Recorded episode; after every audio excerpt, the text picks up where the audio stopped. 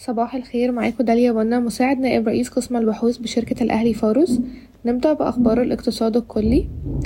تتطلع الحكومة إلى بيع حصة تبلغ سبعين في المية تقريبا في محطة كهرباء بني سويف ذات الدورة المركبة بقدرة أربعة فاصل تمانية جيجا وات وتم تخصيص قيمة إرشادية تتراوح بين واحد فاصل أربعة لواحد فاصل تسعة مليار دولار أمريكي للأصل. وتستهدف الحكومة إتمام عملية الاستحواذ بنهاية العام المالي في يونيو المقبل. يتطلع مستثمران لم يتم الكشف عن هويتهم إلى الاستحواذ على حصة في شركة المشروبات المعبأة صافي وتتوقع الحكومة التواصل إلى اتفاق بشأن البيع بحلول ديسمبر. سيتم عرض حصة أخرى في مزرعة رياح بالزعفرانة على المستثمرين الدوليين إلى جانب الجزء الذي وافقت الحكومة من حيث المبدأ على بيعه لشركة الشحن العملاقة ميرسك. أبدت شركة ميديترينيا كابيتال اهتمامها بالاستحواذ على حصة أغلبية في شركة الشرق الأوسط لصناعة الزجاج وسط اهتمام من عدة كيانات أخرى وبحسب وسائل إعلام محلية تبلغ قيمة الحصة المستهدفة خمسين مليون دولار. تدرس الحكومة طرح محطة جبل الزيت لتوليد الكهرباء من الرياح عبر طرح تنافسي لعدد من المستثمرين بقيمة 300 مليون دولار في أكتوبر المقبل. تتطلع الحكومة لبيع ما يصل إلى أربعين في المية من شركة حلوان للأسمدة المملوكة للدولة إلى مستثمر استراتيجي. ومن الممكن أن يقوم صندوق تنمية الصادرات بإدخال خمسة قطاعات صناعية جديدة إلى المرحلة الثالثة من خطة دعم الصادرات والتي تبدأ الشهر المقبل وتشمل القطاعات الأدوات الصحية والألومنيوم ومعدات البناء. وخصصت الحكومة 28 مليار جنيه لدعم الصادرات في هذه السنة المالية وهي أعلى بأربعة أضعاف عما كانت عليه في السنة المالية عشرين اتنين وعشرين عشرين تلاتة وعشرين. من المقرر أن تجتمع الحكومة مع رجال الأعمال والمستثمرين في اتنين أكتوبر لمناقشة تحرير شبكة الكهرباء في مصر وفقا لما ذكرته الصحف المحلية. ومن المرجح أن تتحرك الحكومة لفتح الشبكة أمام القطاع الخاص في عام عشرين خمسة وعشرين. يعتزم البنك المركزي المصري إنشاء شركة الهوية المالية الرقمية للاستحواذ على حصص البنك في عدد من الشركات وسيساهم البنك بنسبة خمسة وخمسين في المية من رأس مال الشركة وهي ميتين خمسة وسبعين مليون جنيه. القابلة للكهرباء تستهدف تحصيل مستحقات بقيمة خمسة مليار جنيه بنهاية أكتوبر المقبل.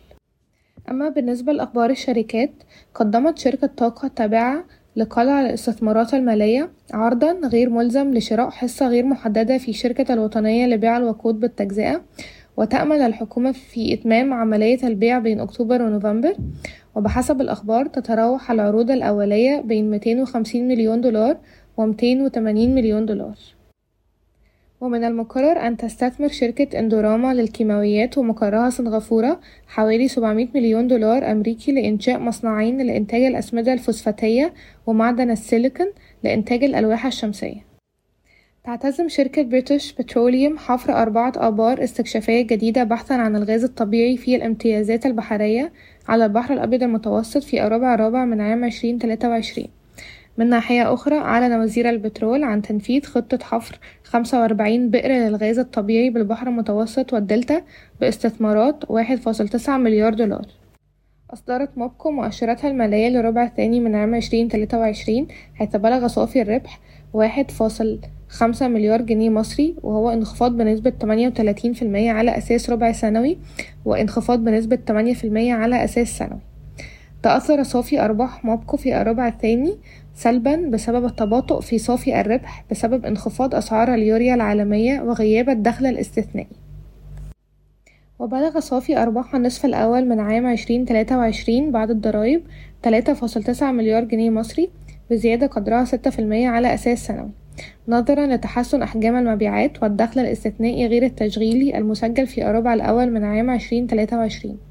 يتم تداول السهم حاليا عند مضاعف ربحية للسنة المالية عشرين أربعة وعشرين تمانية فاصل سبعة مرة. أصدرت شركة دايس نتائجها المجمعة للربع الثاني من عام عشرين تلاتة وعشرين حيث سجل صافي الربح مية وأربعة مليون جنيه مصري وهو زيادة بنسبة مية أربعة وتسعين في المية على أساس سنوي وزيادة بنسبة خمسمية واحد وتلاتين في المية على أساس ربع سنوي. وجاء هذا الارتفاع السنوي مدعوما بالربحية الإجمالية المحسنة الناتجة عن ارتفاع المبيعات وإنتعاش سوق التصدير وارتفاع أسعار البيع. في حين أن الارتفاع الربعي على المستوى الربعي مدعوم بشكل أساسي بنقص خسائر العملات الأجنبية التي كانت موجودة في الربع الأول من عام عشرين تلاتة وعشرين. ولا يزال دعم الصادرات غائبا في الربع الثاني من عام عشرين تلاتة وعشرين ومن المتوقع توزيع المبلغ المستحق خلال النصف الثاني من عام عشرين تلاتة وعشرين. يتم تداول السهم حاليا عند مضاعف ربحية للسنة المالية عشرين تلاتة وعشرين أربعة فاصل تسعة مرة. وقعت شركة أوراسكوم كونستراكشن عقدا مع شركة إيجل هيلز العقارية لبناء منتجع Soul Luxury Beach Resort على الساحل الشمالي لمصر وتتضمن الاتفاقية التي تبلغ قيمتها واحد فاصل تسعة مليار جنيه إنشاء قطعتين تلاتة وأربعة ضمن المرحلة الأولى من المنتجع على أن يتم الإنتهاء منها خلال ألف وعشرين يوم.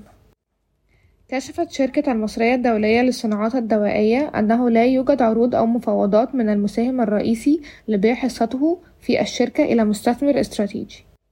ونفى بنك تنمية الصادرات المملوك للدولة أمس علمه بأي نية حكومية لبيع أسهمه لمستثمري القطاع الخاص من خلال برنامج الخصخصة.